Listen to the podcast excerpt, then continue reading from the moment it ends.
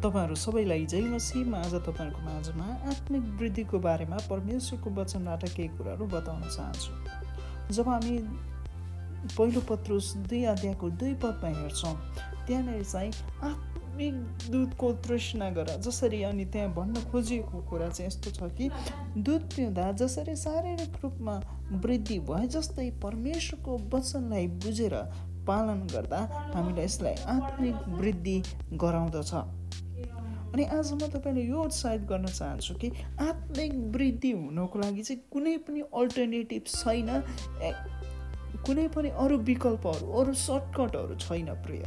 आत्मिक वृद्धि हुनका लागि तपाईँले परमेश्वरको वचनलाई अध्ययन गर्नु र पढ्नु जरुरी छ। अनि अर्को खण्डले यसरी भन्छ अनि त्यो चाहिँ आत्मिक भोजन हो। परमेश्वरको वचन जब हामी देख्छौँ यसु क्रिस्टले योनाको पुस्तक तिन अध्यायको त्रिचा त्रिसठी पदमा यसरी भन्नुभएको छ परमेश्वरको भजन हाम्रो आत्मिक वचन आत्मिक भोजन हो र यसलाई लिनुहोस् र तृप्त हुनुहोस्। अनि यहाँ हामी देख्छौँ कि परमेश्वरको वचन चाहिँ आज हाम्रो निम्ति भोजन हो र यसले हामीलाई चाहिँ आत्मिक रूपमा वृद्धि गराउँदछ। र अर्को खण्ड म तपाईँलाई बताउन चाहन्छु हिब्रू चारको बाह्र पदले भन्छ हामीले हाम्रो अभिप्रायहरूलाई वास्तविकता प्रकट गर्दछ। जुन पनि कुराहरू हामी सोच्दछौँ हाम्रो इन्टेन्सन परमेश्वरको वचनले चाहिँ प्रकट गर्दछ। जब हामी यो कुरा हेर्दछौँ अनि उहाँको वचनमा चाहिँ त्यो शक्ति छ कि हृदयलाई छिया छिया पार्ने गरेर यो चाहिँ दुई धारे तरबार भन्ने कुराहरू त्यहाँ उल्लेख गरेको तपाईँ र मैले पाउँदछु। अनि यसले चाहिँ हामीले कहिलेकाहीँ महसुस नै न गर्न नसक्ने र हामीभित्रको खास अभिप्रायलाई हाम्रो माझमा प्रकट गर्न पर गर्नका लागि परमेश्वरको वचन सक्षम छ। अनि यसले चाहिँ जहिले पनि हाम्रो इन्टेन्सन्स हामीले कुनै कुरा गर्न लाग्दाखेरि त्यसको इन्टेन्सन के हो? त्यो अभिप्रायलाई स्पष्ट पार्दछ।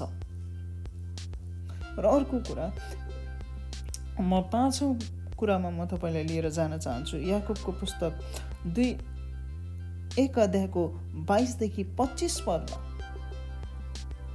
हामीलाई क्रिसको स्वरूपमा निर्माण गर्दछ। क्रिस परमेश्वरको वचनले चाहिँ आज हामीलाई उहाँको स्वरूपमा निर्माण गर्छ। हामीले ऐना हेर्ने र परमेश्वरको वचन ऐना जस्तै छ र यसलाई वास्तविक रूपमा कस्ता छौँ भनेर हामीलाई बाइबलको ज्ञान पालन गर्दा र के कुराले हामीलाई परिवर्तन गर्छ सो हामीलाई देखाउँछ।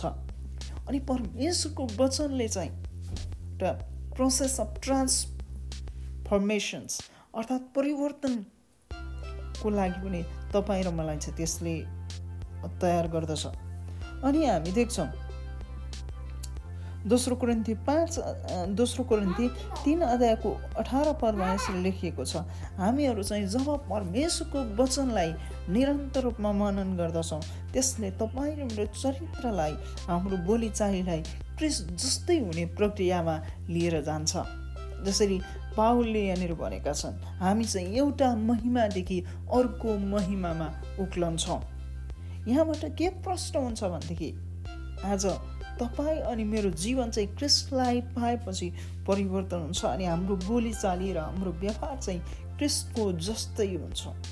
हामी क्रिस हाम्रो चरित्र चाहिँ क्रिस जस्तै प्रेमिलो क्रिस चाहिँ पवित्र भन्ने कुराहरू यहाँनिर बताउँछ। फेरि यसलाई तपाईँले गलत अर्थ नलगाउनु होला। कि हामी चाहिँ क्रिस जस्तै कसरी बन्छौँ त? क्रिस ज क्रिस्टियसो जहिले पनि आज्ञाकारी हुनुभयो। क्रिस्टियसो जहिले पनि अरूप्रति क्षमाशील हुनुभयो। अरूलाई उहाँले प्रेम गर्नुभयो। अनि त्यो गुण चाहिँ तपाईँ र मामा हुनुपर्दछ र हामीलाई निरन्तर रूपमा परमेश्वरको वचन पालन गऱ्यौँ भने यसले चरित्र र व्यवहार र बोलीमा हामी क्रिस जस्तै हुनेछौँ। अनि अर्को कुरा म तपाईँलाई बताउन चाहन्छु यो पवित्र बाइबल तपाईँले पढ्ने अरू पुस्तक जस्तो नभएर तपाईँको जीवनमा निरन्तर परिवर्तन ल्याउने वास्तविक शक्ति भएको एउटै मात्र पुस्तक। अनि यसले चाहिँ जब जब तपाईँ र मैले यसलाई पढ्दछौँ अनि यसलाई पालन गर्दछौँ भनेदेखि चाहिँ यसले तपाईँ र मेरो जीवनमा जहिले पनि परिवर्तन लिएर आउँछ। निरन्तर तपाईँ र मलाई चाहिँ परिवर्तनको मार्गमा डोर्याउँदछ। अनि यसरी लेखिएको अनि परमेश्वरको वचन चाहिँ आज हामीलाई निर्माण गर्नु। परमेश्वरको वचनले चाहिँ आज हामीलाई सान्त्वना शिक्षा र उत्साह दिन्छ। परमेश्वरको वचनले तपाईँ र मेरो जीवनलाई बदल्छ र आज हाम्रो जीवनमा चाहिँ उत्साह उमङ्गहरू थप्ने काम गर्दछ। अनि जब हामी यहाँ देख्छौँ अब